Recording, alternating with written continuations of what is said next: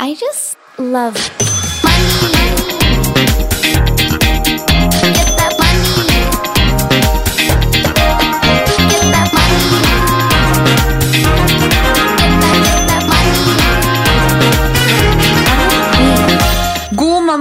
Hei til februar måned. Dere som eh, ikke kom helt i gang i januar, har virkelig fått utdelt nye ark og fargestifter, og jeg regner med vi er flere som planlegger å uppe gamet på aksjefronten.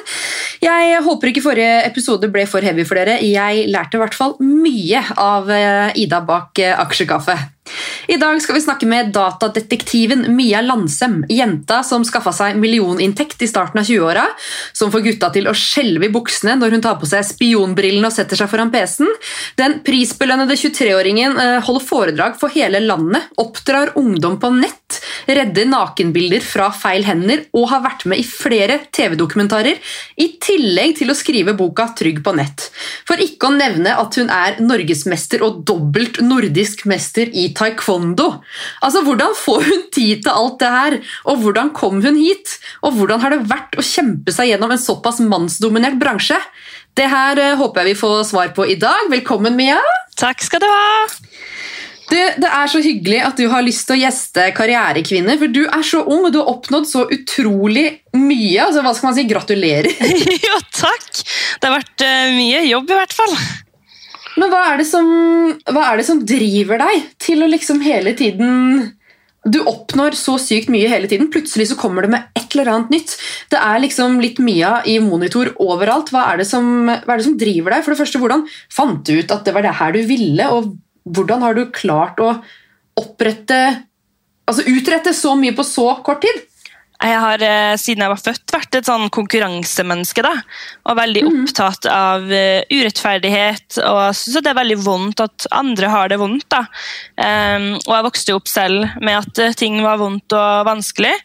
Uh, og prøvde heller, istedenfor å på en måte gjemme meg i skallet mitt, da, så tror jeg heller det liksom blomstra litt i stedet. Og hadde lyst til å utrette ting og gjøre ting. og jeg hadde drømmer, og når jeg som regel bestemmer meg for en ting, så får jeg det som regel på den måten jeg vil. da.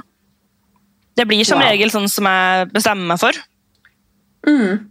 Så det er Hva, egentlig det. altså, setter du deg liksom strategiske planer altså for Mm. hvordan du skal nå målene dine, eller er det liksom bare her har jeg målet mitt, og så bare Det er en, eh, faktisk en liten miks. Jeg er jo tidligere toppidrettsutøver. eh, Du nevnte jo litt mm. med det.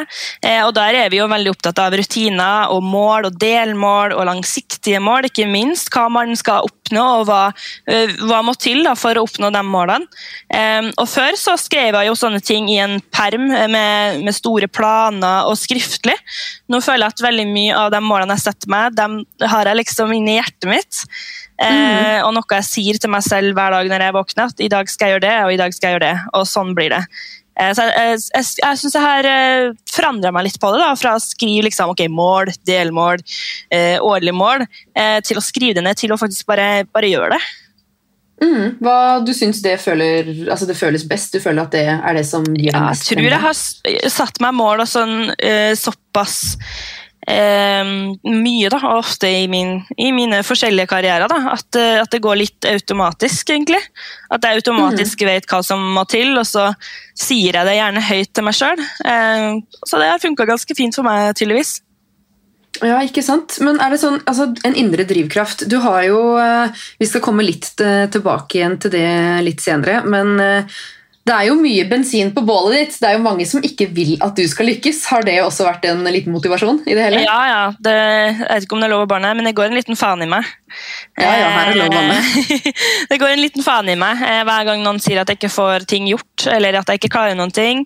Eh, Og det er ofte både kjønnsbasert, og det er basert på sjalusi. Veldig mye, da. Men jeg har jo egentlig håpa på at mennesker skal unne hverandre suksess. Ja, da.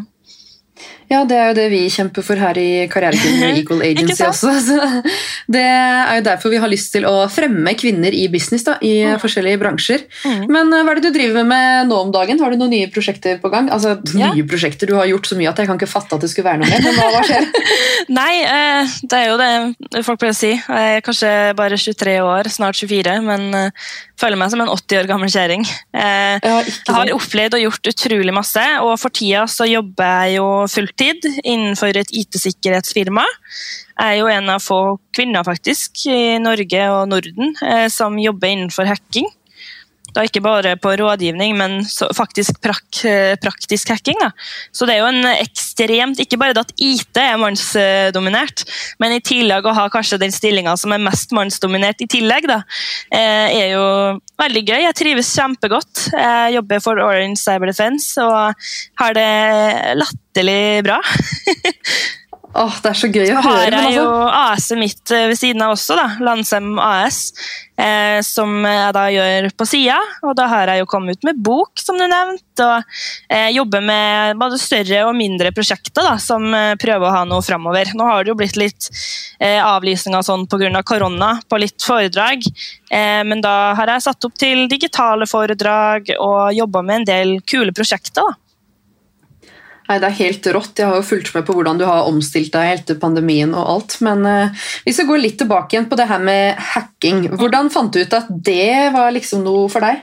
Nei, eh, jeg har jo vært aktiv gamer i mange år. Jeg har jo hatt en TV-serie om gaming, snakka på barnekanaler om spill, skrevet artikler om spill. Så det er jo IT og data er jo noe jeg alltid har vært opptatt av. Eh, Etter jeg gikk på idrettshøyskolen, eh, så valgte jeg et lite karrierebytte, kan man si. Jeg gikk to år på nettverk og IT-sikkerhet eh, ved Noroff. Eh, og bare egentlig begynte jo å være så mye i media, ikke sant. Eh, det begynte å bli mye spørsmål, de uttalte meg som en ekspert. Eh, og da hadde jeg lyst til å gjøre det videre, rett og slett, for jeg syns det er veldig gøy. Og hvorfor akkurat hacking? Så er det jo det at eh, det er jo en skikkelig trussel i forhold til samfunnet vårt. Og det samme gjelder jo for influensere og eh, kjendiser òg, som får mobilene og PC-ene sine hacka og får eh, ting ut da, som ikke kanskje bør ligge ut. Ja, for var det, Kan man si at det var sånn du liksom ble allment kjent når du hva skal jeg si, redda eh, nakenbildene til Nora Mørk? Er det lov å si det? Ja, Ja, det sånn var jo- Du liksom, var jo da eh, jeg kom i media. Det var jo ikke planen min. Jeg hadde jo hjulpet mennesker som får nakenbilder og seksuelle videoer spredd på nett i mange år, faktisk, før jeg ble kjent for det. Jeg har ikke sagt det til noen, ikke mamma og pappa engang. Eh, plutselig ble navnet mitt spytta ut til en reporter, eh, og så er jeg her jeg er i dag. så jeg hadde jo, ikke, hadde jo ikke noe mål om å bli noe kjent for det her i det hele tatt. Folk lurte jo på hva jeg gjorde på dataen hele natta. og jeg ble jo så klart litt syk av det òg, så de lurte jo egentlig på hva som skjedde med meg. og Hva er det egentlig mye å sitte og loke med? Ja, Hvordan syk da, tenker du? Sånn, Jeg ble jo, jeg måtte jo gå i terapi. Det er jo mye eh, barneovergrep man kommer over, blant annet. Eh, oh. Og så er det jo folk sine private bilder og videoer. Det er jo mye skjebner. Det er mye historier som er veldig vond. Eh, og da er det Mm. lurt å få hjelp til det. Så det, det gikk jo utover eh, siste årene mitt på videregående og fraværsdagene da, å se sånne ting. Eh, Men det har jo blitt mye bedre som voksen, og jeg går jo også jevnlig til psykolog i forhold til det jeg ser. Det samme gjør jo dem som jobber i politiet eh, med det samme. wow, det, liksom, det tror jeg kanskje man eh, glemmer å tenke på. Alt det Ja. du ser. Eh, jeg vet ikke om det er noe du har lyst til å snakke om, men hva er altså, hva kan man si, det verste oppdraget du har fått? Eh? Alt som har med barn, egentlig. Det er jo barn som auksjoneres bort, nærmest, og som selges på nettet. Så er det jo så klart Ikke i Norge? Jo da, i Norge også. Eh, barn som eh, blir voldtatt og filma av eh, sine egne foreldre. Og så syns jeg det er veldig kjipt med saker der også barn og ungdom i Norge har tatt livet sitt da, pga. at de har blitt utsatt for ting som ikke er greit på nett. Så da, da kjenner jeg at det blir gjør skikkelig vondt i hjertet. og men så må man på en måte skru på en sånn switch, da, en slags knapp. At ok, nå har det her kommet opp, og så må jeg på en måte handle ut ifra det. da. Eh, Det her blir jo rapportert inn til politiet med en gang når jeg får tips om, om det er barneovergrep, om det er voksne som kontakter barn. For det er jo utrolig mange unger som eh, syns jeg er en god voksenperson å prate med. Og da er det viktig for meg å overbringe den informasjonen og de her pedofile kontoene da, til politiet. Og det har jo også gitt eh, resultater, og det, det er jo egentlig det viktigste. Så det man må på en måte tenke på da, når man, når man får høre noe så vondt eller kommer over noe så vondt, da, så kan det du gjør Eh, og det som du blir utsatt for, gjøre at barn slipper å oppleve overgrep. Da. Eller at det, overgrepene stopper. Wow, du er en ekte superhelt. Altså, det er lett å le og si ja, ha spionbriller og sette seg foran PC-en, men du er jo en eh, ekte superhelt. Det er jo helt eh, rått, det du gjør. Men altså Det her er sånn jeg har forstått, jeg vet ikke om det fortsatt er sånn at noe du gjør liksom litt pro bono, eller er det det her som er jobben din i Orange Cyber Defense nå? Orange Cyber Defense eh, så sikkerhetstester vi f.eks. applikasjoner og nettsider til store bedrifter, som regel. Eh, Så det har ingenting å gjøre med, med det jeg driver med som privatperson. Eh, det var jo derfor det var viktig for meg å finne en bedrift som respekterte det jeg gjorde, og også lot meg få eh, litt halvveis frie tøyler på, på det, for det var jo det som var viktig for meg. Enten så måtte den bedriften jeg starta i, akseptere den jeg er på utsida også, inntil en viss grad. Eh, Eller så hadde jeg tenkt å rett og slett bare leve på foredrag. Um, så derfor så er jo det da bedriftsretta, ikke sant. Mm. Eh, så alt det andre er jo da gratis. Eh, har aldri tatt betalt for rådgivning på mail eller eh, hjelpe folk med anmeldelser, være med i søksmål og rettssaker. Eh, aldri tatt betalt, og det kommer jeg heller aldri til å gjøre. Det er, så, det er så fantastisk at jeg vet ikke hvor jeg skal begynne engang. Liksom, jeg sitter her og ser på alt du gjør og tenker hvordan får du tid, og likevel så gjør du liksom, du hjelper så mange da, og du gjør det gratis. Mm. Og du bruker ganske mye tid på det òg, vil jeg tro. Ja, det er ikke så mye fritid her, da, men jeg har jo måttet ha tatt meg selv litt i nakkeskinnet og trenger liksom å være litt sosial, man trenger å gjøre andre ting. Da. Um, men for eksempel, hvis jeg er på en bursdag til noen venner, da, altså, det renner jo inn ti mail om dagen. Fem til ti Mm. mail om dagen om forskjellige ting. Uh, jeg går alltid innom og sjekker om alvorlighetsgraden. Så hvis det for er noe som handler om barneovergrep, og sånn, så drar jeg rett og slett hjem fra den bursdagen for å ta de telefonene jeg må. da. Så det så klart det går jo utover privatlivet, eh, men det er jeg på en måte villig til å gjøre. da. Og jeg syns ikke Mm. at sånn her hjelp skal koste noen noe penger, for jeg syns det her er en rett man har som menneske. og Spesielt når det gjelder barn. Da. De har jo ikke noe penger å betale meg, akkurat. Nei, men Én ting er jo hva folk eventuelt måtte betalt som privatperson, men jeg syns jo du fortjener noe statlig støtte eller et eller annet her, da. Da må du man jo jo- følge en del regler ikke sant? og være fagperson innen ditten og datten. Jeg har aldri søkt noe støtte. Jeg klarer meg fint uh, sjæl. I starten så ble det jo uh, litt lån her og der for å ha råd til utstyret som jeg måtte ha for å kunne hjelpe til, og da var jeg jo bare student. Så jeg hadde liksom bare et par tusen ekstra i måneden. Eh, men det sitter jeg og ferdigbetaler nå, og så er det jo bare studielån. Så det går egentlig ganske fint nå. Jeg syns, eh, eh, syns ikke sånn hjelp som sagt skal koste penger. Jeg sitter her og bare har lyst til å starte den Vipps-kampanjen. for jeg blir bare sånn, Du fortjener hele verden. Det ble satt i gang en etter Nora Mørk-saken, men det gikk jo til å bygge en PC som sitter 24-7 og sporer opp gjerningspersoner utenfor Oslo. Utstyr til det og en, en eh, PC-skjerm. Ja, ikke sant. Det er så mye ting man ikke vet at det eksisterer engang. ja, ganske mye. Men hva tror du har vært eh, nøkkelen til din suksess? da? Tror du det er liksom at det er jo, For det første så er det jo, det er jo en nisje. Eh, og så tenker du at det også kan ha vært en eh, Jeg vet jo at det har vært mange negative sider med å være Mm. Du er ikke eneste kvinne, men du er kanskje den eneste ordentlig profilerte kvinnen da, i Mm. den bransjen du er i. Uh, men tror du det også kan ha vært en fordel at du ikke hadde fått til like mye eller vært like kjent, da, hvis man Mm. kan si det sånn, hvis du var mann i den bransjen? Ja, altså, det er jo mange mannfolk som uttaler seg om IT, da. Uh, men Mm. ikke like mange kvinner.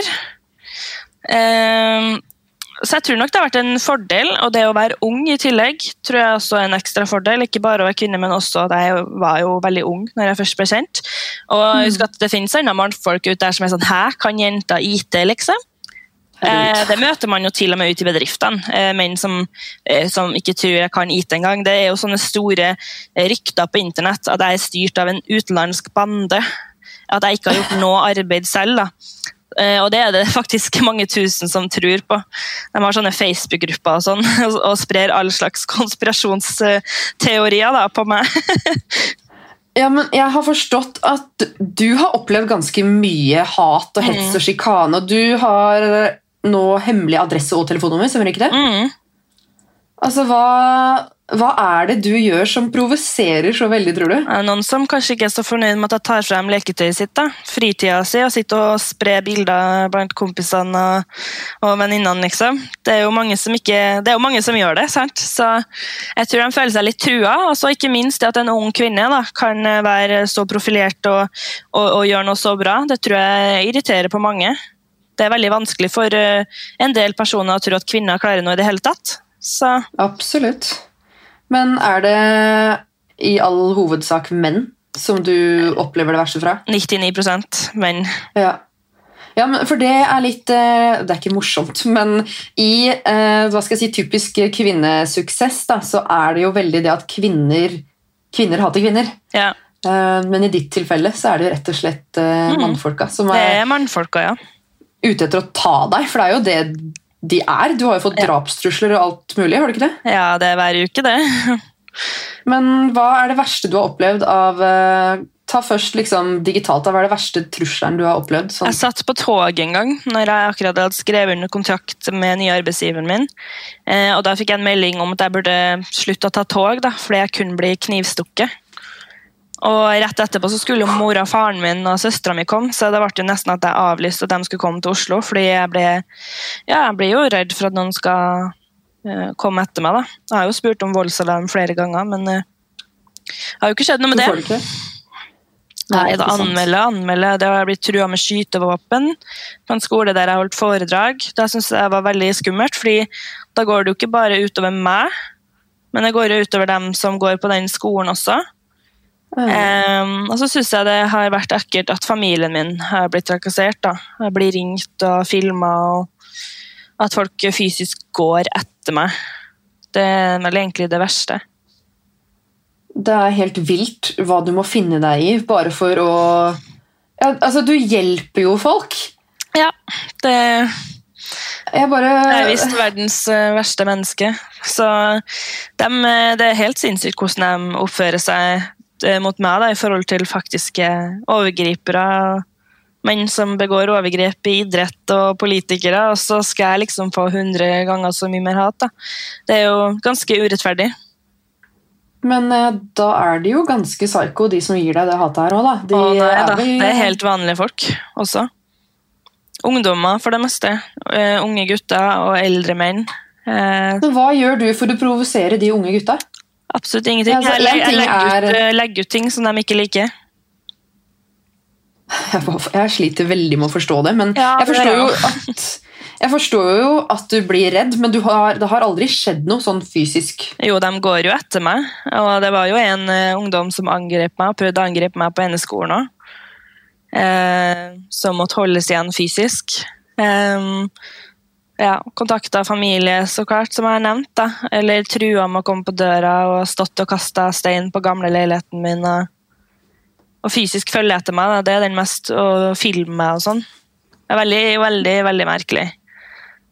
Men hva er det som hindrer deg i å ikke gi opp da? At du fortsatt ønsker det livet her? Da du setter jo altså med all respekt alle andre foran deg selv, men på veldig mange farlige måter også. da. Hva er det som hindrer deg i å ikke gi opp? Er det liksom alle skjebnene du Jeg tror det sekundet man uh, vet og ser at et barn blir voldtatt og opplever vonde overgrep, så gir du faen i alt annet.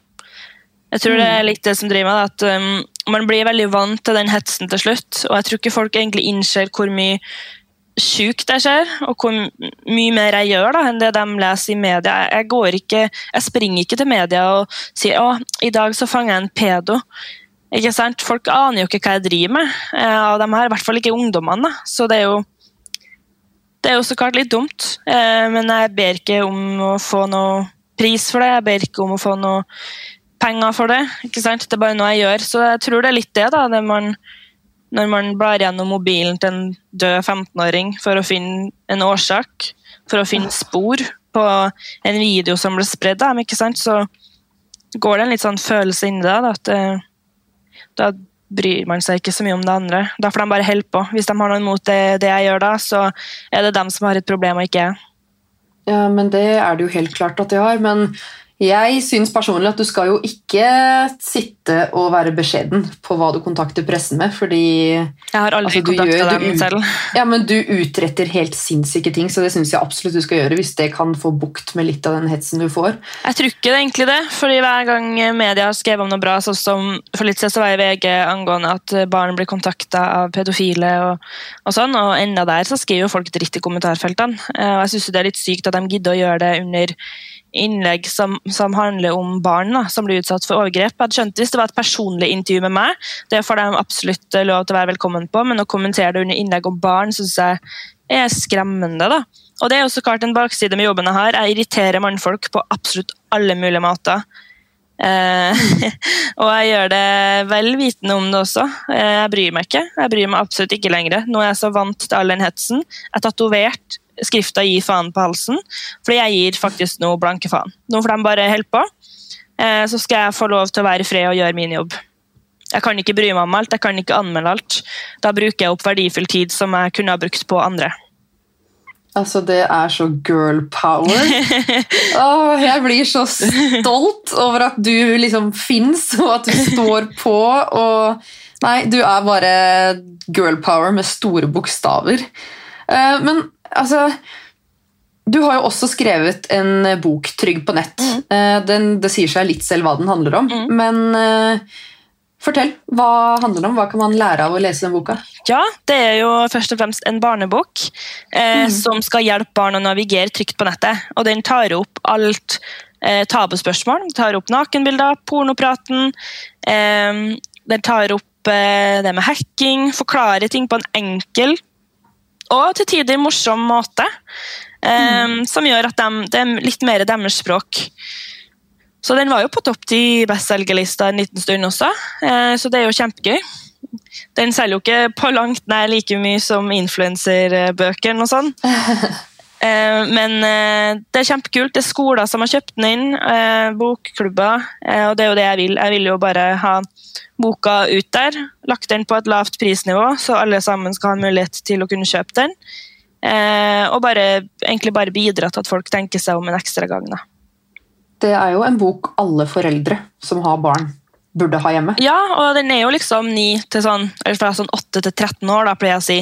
Eh, men den er jo skrevet så enkel at de fleste foreldre vil jo også forstå den veldig godt. Eh, Ja, selv de som ikke er oppvokst med holdt jeg på å si, internettkulturen Ja, den er kjempefin for dem, og ikke, ikke bare det at de kan lære noe selv, men at de også kan eh, eh, få en idé da, til hvordan de kan ordlegge seg og forklare ting til barna deres selv på en enkel måte.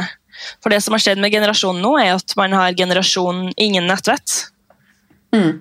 Fordi foreldrene er helt amø amøbe, tekniske amøbe, Ja. ikke sant? Mine foreldre hadde jo ikke peiling på noen ting. Um, så da er det jo ikke rart at eh, de generasjonene her driver på som de driver på. da. Nei, det er jo et skikkelig eksperiment, hele Ja, den uh, Men det var jo veldig gøy å gi ut en bok, uh, og jeg har planer om i år å Eller har egentlig smått begynt å skrive en for voksne også, med litt mer info Oi. og sånne ting. Så det, det blir kult. Håper at jeg okay. får igjennom den nå. så bra. Men hva er det som eh, Nå har jeg forstått hva som fikk deg til å gjøre det, men Um, hvordan fungerer hele den prosessen? Mm. Hvordan kom du i kontakt med forlag? Var det de som kontakta deg? Eh, Jeg ble jo kontakta av flere forlag. Jeg hadde jo lekt litt med tanken på å skrive bok, men jeg trodde jo ikke at jeg var i nærheten av flink nok til det. Eh, Så jeg valgte til slutt Cappelen Dam, som tok kontakt. Eh, Og det måtte egentlig bare skrive ned en sånn type intensjonsavtale. da. Hva er intensjonen vår med den boka her? eh, Litt kontrakter osv. Og, så og så skulle jeg egentlig bare begynne å skrive litt, og så skal de få se på det. Eh, og så laga jeg egentlig bare en full plan da, over ok, hva er egentlig innholdet jeg vil ha i den boka her. Og jeg var jo så heldig at jeg har jo holdt foredrag i snart tre år. Eh, så jeg tok jo egentlig bare alt, alle spørsmåla som jeg fikk fra barn og unge og voksne, og bare putte dem sammen i en bok. Så egentlig så skrev jeg bare alle hovedpunktene og delpunktene av kategoriene i boka og sånn. Eh, og så bare skrev jeg. Og når jeg først setter meg ned og skriver, så skriver jeg. Jeg tror hele teksten at jeg har skrevet det på 24 timer. Det eneste som tok tid, var, var rettskriving og eh, gå gjennom flere ganger. Så er det jo gjerne en eh, lærer eller en annen forfatter som bare ser over språket. eh, Språkfeil og skrivefeil og sånn, for dem er jeg veldig flink på. Så plutselig så er det jo da illustrasjoner, og da valgte jeg min venninne, eh, Linn Sikt, som er Linn. Og hun har, is, eh, hun har uh, laga alt til boka mi. Og lillesøstera mi, eh, som da var bare 18 når jeg begynte å skrive, eh, ordna da også en illustrasjon. Så det er bare girl power i hele boka. Så det syns jeg er veldig kult. Rått. Men altså eh, hvordan, altså Er det penger i det å skrive bok i 2020-2021? Ja, egentlig ikke. Man får jo en liten prosent av salgene, og så får du gjerne et forskudd. da. Eh, Så sånn sett, så med mindre du liksom er under Lindell, da, så tjener du egentlig ikke så godt på det. Jeg vet Nei. ikke ennå hva jeg har tjent på boka mi, for det er jo noe du får én gang i året. Og siden jeg ga den ut i august, så får jeg nok vite noe i februar-mars. Jo Ja, for det har jeg forstått at det er et eller annet med at man får lønna si i april året etter. Ja, fordi de går sånn gjennom returer og sånn, og reklamasjoner. Eh, og det gjør de rundt slutten av januar-februar. Og etter det så eh, legger de sammen da, og trekker ut forskuddet på hva man har tjent. Så Men kan man spørre hva et normalt forskudd på å skrive bok er? For det er jo da en sum du får når kontrakten er signert, men boka ikke er klar. ikke sant? ja, det er veldig variert. da. Det spørs jo hva de forventer at vedkommende selv. Eh, Mm. Men det kan jo være alt fra 10 000 til 50 000 Ja. som et forskudd, Mm. og da trekkes det jo fra det du på en måte tjener til slutt. da. Eh, men så er det jo også at du kan søke om forskjellige stipend. da. Fritt ord eller noe, og så er det vel eh, litt andre ting som forfattere av ulike sjangre kan søke på. da. Så det spørs hvilken sjanger boka di er i. Mm. ja, det er mye å sette seg inn i, skjønner jeg, men du har jo i hvert fall flere bein å Jeg stå hadde et på. Du har jo fantastisk forlag òg, da, eh, på den barnebokavdelinga. Og så hadde de jo også presse, så de ordna jo liksom klart alt av reklame og markedsføring, eh, foto, ikke sant. Eh, design på boka. Ja, veldig kult å være med på hele prosessen, men eh, jeg hadde nok ikke klart alt alene. Nei, men det er, jo, det er jo noe med å innrømme det også, sånn som eh, vi i Equal Agency pleier å si, at gjør det du er best på, og Mhm. outsource resten. ja, absolutt. Men du har jo drevet en del med foredrag, som du Mhm. sa, tre år. og du har gjort det ganske bra. ja, jeg har det. Går det an, eh, Jeg vet det er veldig mange som syns det er ukomfortabelt å snakke om økonomi, men går det an å liksom snakke litt om hvor mye Ikke bare nødvendigvis hvor mye du har tjent, hvor mye får man for et foredrag liksom, eh, når man er mye Landsem? Eh, ja, altså det, generelt da, på foredragsholdere så er det jo noen som er med i sånne talerlisten og sånne lister der du liksom, eller er en egen agency da, som der du blir booka inn, og da tar jo dem en prosent. Jeg har jo bare vært helt for meg selv. Eh, jeg starta med et enkeltpersonsforetak og starta med å ta snaue 5000 kroner for en time foredrag. Jeg fant jo ut eh, etter hvert at folk sa til meg at men Mia, det er jo altfor lite. Men for meg som var student og jobba på Rema 1000, eh, og trivdes godt med det, eh, så var jo det her kjempemasse penger. Eh, når jeg jobba hver helg på Reman og fikk en 7500 i stipend, så hadde jeg liksom shit, da hadde jeg 5000 i måneden å leve på. Og det å ha igjen en 2500 etter skatt på de 5000, det var penger for meg, det. Det var en biltur. hvordan, hvordan innså du din egen verdi, og når begynte du å faktisk øke prisene? Hva var det som fikk deg til å øke prisene? Nei, Folk begynte å si til meg, fordi det starta bare med at jeg ble spurt om å holde en slags appell da, på et event. Og så spurte jeg noen venner som jeg kjente som var influensere, sånn, som jeg visste hadde stilt opp og sånt før. Da. De bare Nei, start nå på en 5000, og så kan det gå litt oppover. Um, og så snakka jeg så klart også med min gode venn helsesista, og da sa hun at når man er en fagperson, så kan man godt skru opp prisen, eh, for da er du faktisk en fagperson på det du prater om. Eh, og når jeg er utdanna innenfor IT-sikkerhet, så er jeg jo en fagperson. Eh, Absolutt. så da er det opp til nå 15 000 for en Ja. time foredrag. Og så lager jeg jo da pakkepriser. Eh, I Oslo-områdene så har jeg senka prisen til 10 000. Mm. Eh, og det er rett og slett bare fordi jeg vil at alle sammen skal ha råd til det. Og ennå så vet jeg at det å ta 10 000-15 000 for ett foredrag, det er faktisk lite i forhold til den fagpersonen jeg er, og at det er et kjent fjes. Men det er Mm. mye skoler og mindre kommuner som ikke har penger eh, ikke har like mye penger da, til sånne ting. Så da eh, pleier jeg gjerne å lage egne dealer ut ifra økonomien til skolen og kommunen. Eh, men hovedsakelig 15 000 for et foredrag, og så er det 20 for to, 25 for tre. Alt etter hvor langt jeg må reise, og om jeg må være der over flere dager. da. Ikke sant? Wow. Og så er det jo Men- da Jeg bytta jo over til et aksjeselskap etter hvert. Ja, Det er jo litt eh, spennende, for jeg regner med veldig mange som sitter her og hører på, og kanskje sitter med et enk og lurer på når går man over mm. til eh, AS. Ja, eh, jeg begynte jo, altså jeg var jo student ikke sant? Og hadde en deltidsjobb i tillegg. Og så hadde jeg til slutt 100 reisedager. Ja, ikke sant? Sånn at jeg overarbeidet meg jo skikkelig, men så klart, det ble jo penger i potten. Jeg var jo Mm. fullbooka hele året og måtte måte prøve å følge med litt på skolen òg. Um, og så ble jeg tipsa, jeg skaffa meg regnskapsføre etter hvert, etter å ha gjort mitt eget regnskap i et år. Og de tipsa meg om at det var best i forhold til hvis jeg ble syk eller andre ting, eh, å lage meg et aksjeselskap i stedet. Og det kunne de Mhm. hjelpe meg med.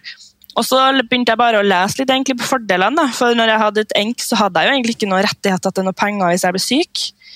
Um, så da ble jeg litt sånn ok, jeg tror jeg bare gjør det. Det var enklere òg, fordi jeg, jeg klarte ikke helt å legge av penger til den eh, forskuddsskatten heller. Så jeg fikk jo en smell der da, første året. For det hadde, oi, jeg visste ikke det var så, så høy prosent. Da skyldte jeg plutselig 30 000, 40 000. Jeg bare farsken! Jeg hadde jo ikke fått med meg det, og da hjalp det regnskapsfirmaet meg. Eh, Det var jo dem jeg tipsa til deg også. Ja, altså, jeg vet ikke hva jeg skulle gjort uten uh, Tenura og Ja. Altså. Da hadde jeg vært uh, god, gammeldags fucked. Ja, det er akkurat det. Så de hjelper jo meg også. Jeg har ei hyggelig som heter Marte. Um, og da ble det et aksjeselskap. Og eh, så ansatte jeg min søster, så hun har nå fylt CV-en sin med. For hun er veldig Ja. skoleflink, bare seksere og sånn. Um, og da kan hun også illustrere ting, hvis jeg vil det. Eh, og det som er kult da, var jo at eh, jeg laga aksjeselskap for et år siden. Eh, det vil si når koronaen kom.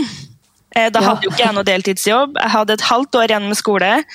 Eh, hadde jeg hatt et enk da, da hadde jeg vært fucked. Eh, jeg hadde jo da et aksjeselskap, så jeg fikk faktisk penger av Nav i måneden.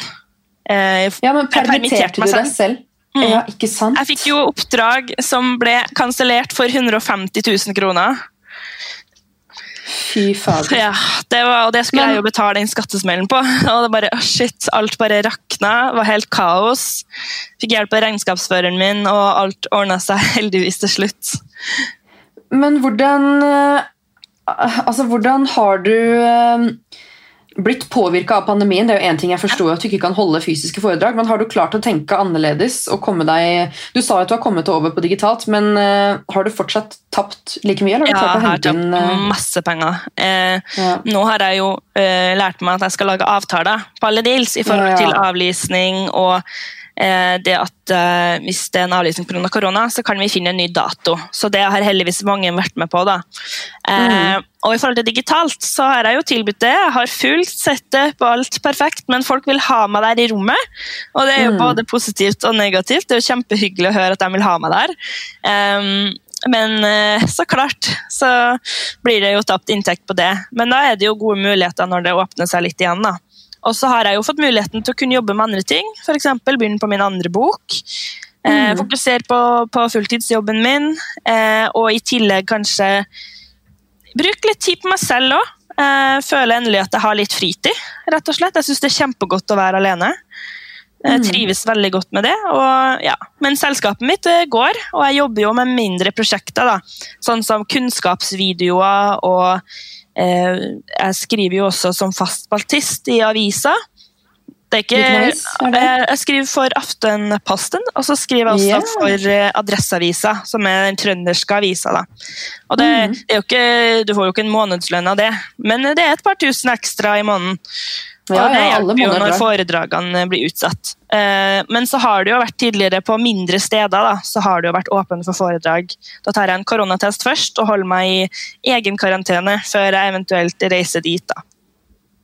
Ok, Så det, det krever jo skitt, da, men du er villig til å gjøre det, forstår jeg. Men Ja. eh, nå satser vi jo på at eh, folk blir vaksinert, at koronaen Hva skal jeg si? Eh, går til helvete. Jeg håper Eh, har, du, ja, har du noen tips til eh, mennesker som eh, har lyst til å leve av å gjøre foredrag? Mm. Hvordan komme i gang og ja, Kanskje litt feil spørsmål, men hvordan kan man komme i gang under denne pandemien? Gjøre navnet sitt kjent der på nettet? Kanskje ha noen livesendinger? Ja, altså, eh, Nøkkelen er jo media.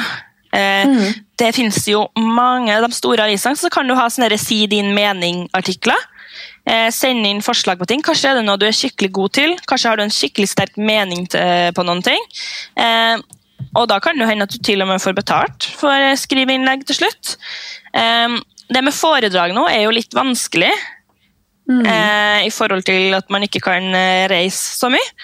Eh, men jeg, eh, bare start med å bygge opp en, eh, en profil på en måte i media, og være med som en samfunnsdebattant, eller å skrive om og skape artikler og Google-søk på deg om det Mhm. du har lyst til å holde foredrag om.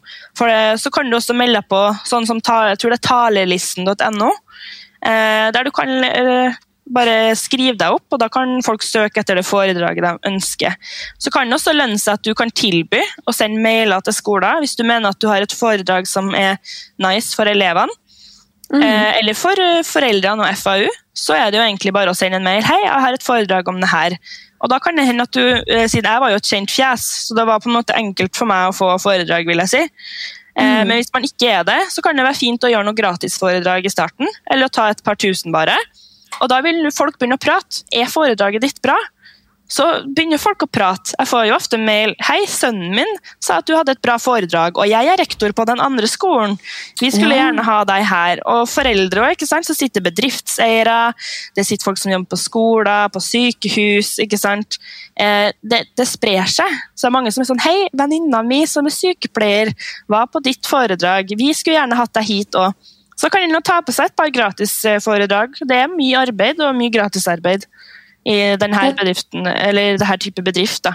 Jeg er jo så heldig, jeg har jo tjent en million i året på eh, bare sant. foredrag. Eh, så det er kult. Jeg kjøpte leilighet i Oslo når jeg var 21 og eh, har det egentlig veldig fint. Det er helt, helt rått. For meg så handler spørre... det jo ikke om pengene, sånn sett. Eh, Men så klart, etter mange år med gratisarbeid og sånn, så er det jo greit å kunne eh, få litt tilbake på det òg, da. Og komme seg på markedet alene og Ja, men Du fortjener det så inderlig, og du har jo oppnådd så utrolig mye, og du har jo bare rakettfart mot himmelen, men hva er Mia sitt endelige mål? Hvor er Mia når hun er 40, f.eks.? Da har jeg sletta sosiale medier. Altså. jeg er ikke noe glad i sosiale medier eh, generelt. Jeg ser for meg egentlig å være den jobben jeg er i, eller kanskje innenfor politi og forsvar. Forsvaret, Mm. da. Eh, og at jeg sikkert har trukket meg litt ut av offentligheten. Det tipper Mm. jeg skjer om ikke altfor mange år. Eh, Nei, for Da må jeg spørre deg, eh, hvis du er komfortabel med det, Ja. har du lyst på barn? jeg vet ikke. Nei, det er jo veldig vanskelig. Jeg sånn tenker det er vanskeligere for deg, kanskje, som Ja, ser det du gjør. Og det er jo litt det jeg har sagt sånn, ja, til mammaen og pappaen min. Og, eh, jeg trives jo som singel. Jeg trives eh, uten barn. Jeg trives uten Mm. ja, Jeg kan klare meg ganske lenge uten sosial kontakt. Jeg er kjempeheldig som har en fantastisk familie, fantastiske venner eh, og, og eh, folk rundt meg. Eh, men jeg kjenner at denne koronasituasjonen her har vært kjempegodt for meg. Å slippe å være litt sosial. Og jeg er jo egentlig bare en sånn derre liten introvert gamer som jeg var når jeg var liten, men jeg har på en måte blitt litt ekstrovert. Eller at jeg kan bytte litt. da. Jeg ser for meg at du er sånn uh, liten data det er fælt å si, men datanerd som bare har blitt pressa ut i det offentlige. Ja, men det er jo basically det. Jeg Det at jeg er jo til å trekke komfortabelt. meg, trekke meg ganske unna sosiale medier etter hvert når jeg føler at jeg har oppnådd mitt eh, maks. Da. Eh, og når Mm. jeg tenker meg på mer heavy jobber da, innen Forsvaret eller politiet. Da har ikke jeg lyst til å, og da kan jeg ikke alltid ytre meg i media som jeg vil. Det er jo derfor jeg ikke har søkt politiet, eh, selv om jeg har blitt tilbudt det. Eh, det er egentlig å være litt gammel og kose meg, kose meg i stolen min. Tidlig pensjonist. Ja, kanskje det. Flytte til Granca, tror du ikke det? Høres ikke feil ut, egentlig. Skulle gjerne hatt eh, en tur til Dubai nå. Da, da.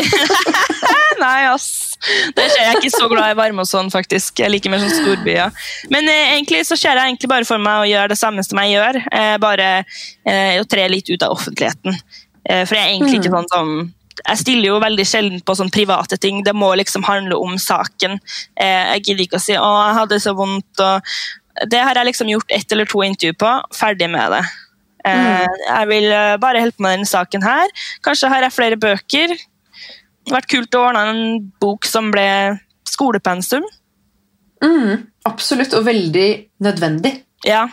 Jeg håper jeg kunne jeg bidra det- litt på litt høyere, høyere nivå enn å bare være en sånn offentlig skrikebøtte.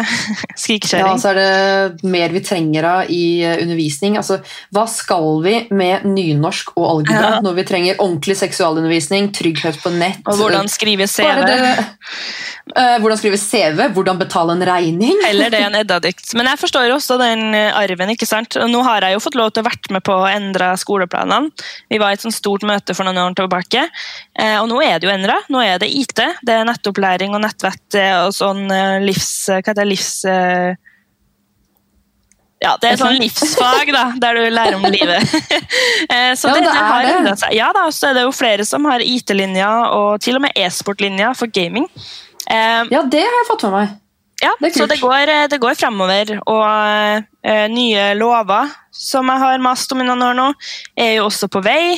Eh, det bare tar litt tid, og nå er det jo i tillegg korona, så vi må bare sette på setebeltet og være litt tålmodig, tror jeg. Jeg er ikke verdens mest tålmodige person, men jeg skal prøve. Jeg tror det bare er sykt viktig da, at vi, at vi, ja, jeg bare synes det er viktig at vi, vi damer eh, støtter opp hverandre, skriver fine kommentarer. Eh, jeg kan ta meg selv, eh, plutselig kan jeg ta meg selv i å si en stygg kommentar om en person, så tenker jeg bare etterpå hvorfor i alle dager gjorde jeg det. Eh, så jeg prøver liksom å ta meg selv i nakkeskinnet og kommentere det til dem rundt meg også, da. Og så syns jeg det er utrolig kult at, eh, å fremme flere damer da, innen teknologi, og spesielt uh, sikkerhet. Ja, Hva vil du si til hvis det sitter noen altså unge eller gamle, det er jo aldri for seint, men hvis det sitter en kvinne der ute nå og har lyst til å ja, gå i Mia Landsem sine spor, hva, er, eh, hva vil du si til den personen? og hoppe i det. Jeg satt eh, som alenemor til valp, jeg måtte finne meg en ny leilighet, jeg var nysingel. Jeg gikk på krykka etter kneoperasjon og hoppa ut av idrettshøyskolen for å begynne på nettverk og ID-sikkerhet. Og det gikk en sånn klump i meg, og hørte liksom stemmen til mamma da, sånn i bakgrunnen. sånn, Nei, Mia, ikke gjør det! Nei, nei, nei. Men da tenkte jeg bare, vet du hva, fuck it, ass. Tatovert i faen på halsen, og så bare gjorde jeg det, Mm. og nå er jeg her jeg er i dag. Jeg tror flere må tørre å ta plass, og tørre å heve stemmen sin, og tørre tør å bli litt hata. For Det er jo derfor Mm. vi blir hata, fordi man, det er ikke vanlig. liksom. Man må ta litt plass, og man må tørre å skille seg ut og vise hvor flink man faktisk er. Men da må jeg spørre deg, Hva syns du om Jeg kaller det generasjon krenk. Altså hele 2020. Jeg har skrevet noen kronikker om det selv. Altså Folk er jo ganske så hårsåre om dagen. Ja, veldig. Nå skal man jo ikke feie alt under samme kam. Det er jo mange ting man skal eh, være hårsåre for også, som kanskje liksom at det er på tide. Men jeg bare føler at eh, det er eh, veldig lett å bli krenka om dagen. Det er skummelt å stikke fram. Det er kjempetrendy å skrive kronikker. Det er det jeg gjort selv, men jeg har skrevet kronikk om det å skrive kronikk, omtrent. Men eh, den derre trenden med å hate på hverandre, hele den herre koronaskam eh, Føler du på en måte at eh, At vi eh, er redde for å ta plass fordi vi er redde fra, for at veld, veldig mange andre skal synes om oss? da? Ja, absolutt. Det er jo en grunn til at flere politikere som er kvinner, ikke ønsker å uttale seg pga. Av hat, blant annet. Men tenker du ikke at det er en veldig skummel utvikling? At folk ikke tør å ta et standpunkt, ta en politisk debatt, altså stå for noe? Ja, det er kjempeskummelt. Jeg, kjenner, jeg kan kjenne på det selv også. At jeg er redd for å si noen ting iblant eh, om diverse saker. Så jeg har bare valgt å holde meg utenfor alt som ikke har med det arbeidet mitt å gjøre. Fordi folk skal uansett finne noe å ta deg på, eller at du ikke har rett til å si noen ting, eller, eller whatever. Da. Jeg, bare, jeg kjenner at jeg gidder ikke. Eh, Mm -mm. Mange som kaller meg nazifeminist og feminist, enn jeg aldri har uttalt meg nesten om feministiske typiske saker, da, som abortkampen og sånn. Mm. Med en gang du er en kvinne da, med en mening, så er du nazifeminist. Ja, ja. Eh, selv om jeg aldri har snakka om abort. Eh, og da er Det litt sånn, det er jo sånn typiske kvinnekamper som har vært, så jeg føler at man stemples veldig da, til et hatobjekt ut ifra både kjønnet ditt og, og at du i det hele tatt gidder å si noen ting. Det er liksom Mm. populært da, å mene noe stygt om noen andre som mener, og jeg kjenner jeg bare så, det er derfor jeg ikke gidder å være i kommentarfelt. Mm. Jeg leser aldri kommentarfelt nesten. Jeg sitter med popkorn og flirer meg i hjel, for jeg skjønner ikke at folk bruker fritida si på det. Nei, det er faktisk ganske fantastisk. Men eh, jeg mener jo veldig at eh, til de som lytter, bruk stemmen deres. Er det én ting vi trenger nå, så er det at mennesker hever stemmen, tar en debatt, skriver den kronikken. Ikke fordi uh, man skal føle seg krenka for et eller annet, men litt mer den motstanden isteden, kanskje. Ja, At eh, det må eh, faktisk, eh, faktisk være lov å ja, si og gjøre visse ting uten at man skal bli stempla som det ene og det andre. Uten at at du skal bli skutt i huet for det, liksom. Ja, ikke sant? Det er Men, ofte eh, det det jeg er føler også, hvis jeg sier noe feil. Jeg tror folk er litt ekstra sensitive nå med både korona og ting som har skjedd. ikke sant? Og som jeg sier, at det er blitt litt trendy. Eh, å bli krenka, eller å rope eh, rasist, eller å rope eh, whatever til folk. Det er liksom blitt en trend, da, og jeg gidder ikke å være med på de, de trendene der. Eh, jeg kaller folk ut som eh, pedoer, og folk som trakasserer barn og unge. Mm. Det er liksom det jeg har valgt å forholde meg til, da. og jeg syns at alle sammen skal finne noe de virkelig tror på. Skriv ikke sant? Som du sier, skriv den kronikken, lag den podkasten. Mm. Gjør, gjør hva faen du vil. Eh, Du lever bare én gang, mest sannsynlig, eh, så hvorfor ikke bare gjøre det? Og så det med å faktisk eh, mene noe selv, ikke mene noe om hva andre mener. Ja, for eksempel. Jeg, altså, jeg gidder så sjeldent å bli med på, på noe sånn offentlig krenkefest eller noe sånn der jeg mener at andre gjør og andre mener. Jeg orker ikke, rett og slett. Jeg har bedre ting å drive med. Jeg syns det er viktig da, at folk, folk mener ting også om det andre gjør. I forhold Mhm. til både korona og sånne ting, men det er noen ting som blir litt drøyt.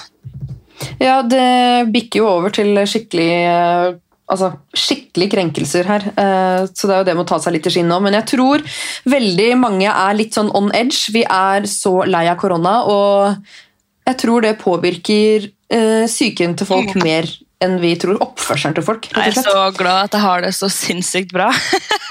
Det er Korona det var det beste som kunne ha skjedd meg, utenom at folk er syke og dør, så klart. Ja, ja, Men meg. Men personlig så er jeg så mye bedre i huet og elsker å sitte hjemme alene.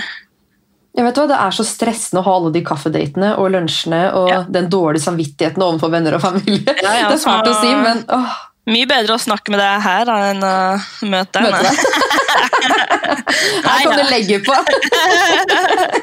Nei da, jeg har det egentlig kjempefint. Eh, ikke sant? Sånn, sånn last tips. Folk må lære seg å gi mer faen eh, under visse regler. Man skal ikke gå og være ekkel mot folk eh, Nei, nei, eller gjøre ting som er ulovlig. Eh, men man må mene, man må tørre å ta plass, og man må tørre å si at jeg er jævla bra. Og jeg er Mm. viktig. Eh, og ikke minst innenfor business da. Eh, både som kvinne innen IT og kvinne i media og alt. Jeg bryter på en måte alle de der barrierene eh, og stereotypene. Og det gjør meg hata. Vet du hva? Da vil jeg heller være hata. De får bare hate Mm. meg. Ha det, jeg bryr meg ikke. Jeg elsker det. jeg elsker det. Uh, altså, ja, nei, det er så fantastisk. Men sånn avslutningsvis, hva kan uh, holdt jeg på å si mann i gata? Hm. Kvinnen i gata, kvinnen i øret, gjøre for å støtte Mia Landsem? Hva, hva kan man gjøre? Er det noe man kan følge? Er det noe man kan vippse? Er det noe man kan bidra til? Noe man kan skrike høyt? Noe man kan skrive om? Altså, hva kan man gjøre for å støtte det du kjemper for? da? Eh, Jeg tar ikke imot donasjoner og sånn. Det er jo mange som har spurt om det, og vips, det tar jeg ikke imot. Eh, Men så klart, jeg har en Instagram der jeg deler eh, ukentlige tips og viktige saker, som heter Mia Landsem. Så kan man også kontakte meg på mialandsem.no for å få hjelp eller for å bestille foredrag. Der er det også sånn infobolker, da, om du trenger hjelp med noen ting. Eh, og så må faktabokser nærmest. Og så har du også Facebook-sida mi, Mia Landsem Security. Der går det også an å be om hjelp.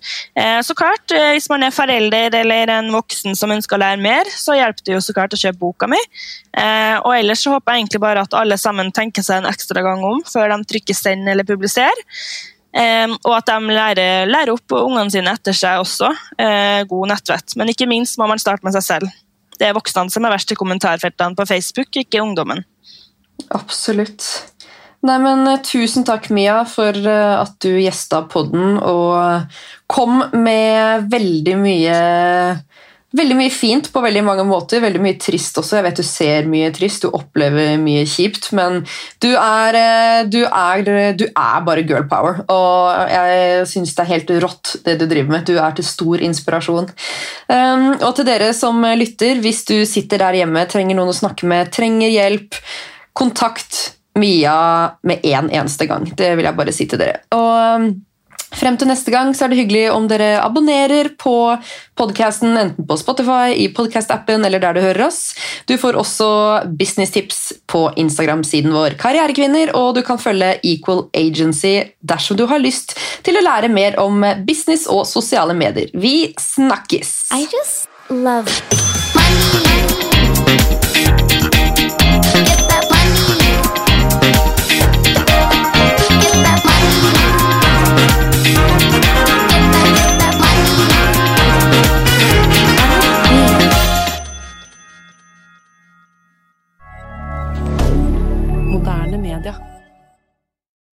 Har du et enkeltpersonforetak eller en liten bedrift? Da er du sikkert lei av å høre meg snakke om hvor enkelt det er med kvitteringer og bilag i fiken, så vi eh, gir oss her, vi.